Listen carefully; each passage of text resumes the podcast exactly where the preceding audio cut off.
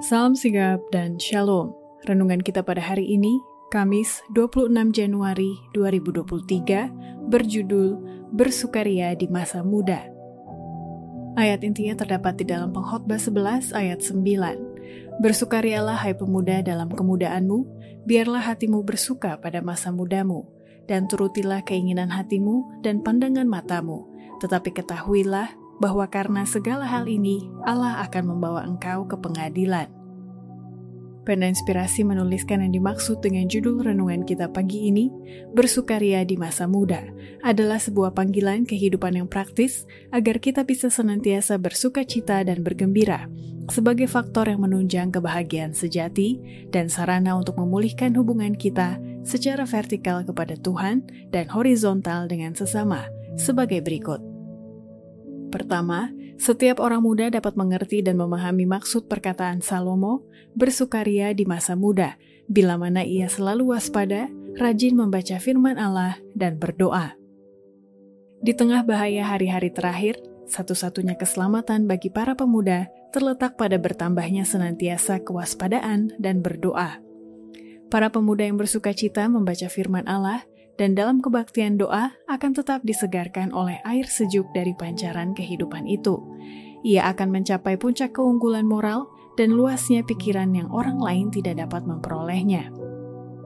Kedua, setiap orang dapat mengerti dan memahami maksud perkataan Salomo, bersukaria di masa muda, bila mana ia mampu memanfaatkan waktu untuk hal-hal yang berguna dan menjaga kesopanan dan tidak memaafkan kelalaian keteladanan yang salah. Anda hanya punya sekali masa muda, manfaatkanlah itu untuk hal-hal yang berguna. Sekali Anda melewati masa itu, Anda tidak dapat kembali meralat kesalahan-kesalahan Anda. Ia yang menolak berhubungan dengan Allah dan menempatkan diri pada jalan pencobaan pasti akan jatuh. Allah sedang menguji setiap pemuda. Banyak yang telah memaafkan kelalaian dan ketidaksopanan mereka karena teladan yang salah yang diberikan kepada mereka oleh orang-orang yang mengaku lebih berpengalaman tetapi ini tidak harus menghalangi siapa pun untuk melakukan kebajikan. Ketiga, setiap orang muda dapat mengerti dan memahami maksud perkataan Salomo bersukaria di masa muda, bila mana ia konsisten berjalan dengan cara bijak walaupun hidup dalam penderitaan sekalipun. Karena ia yakin setiap langkah ada pancaran terang kemuliaan yang akan meliputi jalannya dari yang tak kelihatan. Mereka yang berjalan dengan cara bijak walau dalam penderitaan, akan semakin bersuka cita. Karena dia yang mereka cintai berjalan tanpa kelihatan di sisi mereka. Setiap langkah mendaki, mereka merasakan sentuhan tangannya lebih jelas. Pada setiap langkah pancaran terang kemuliaan meliputi jalan mereka dari yang tak kelihatan. Dan nyanyian pujian mereka mencapai nada tinggi, naik bergabung dengan nyanyian para malaikat di hadapan tahta.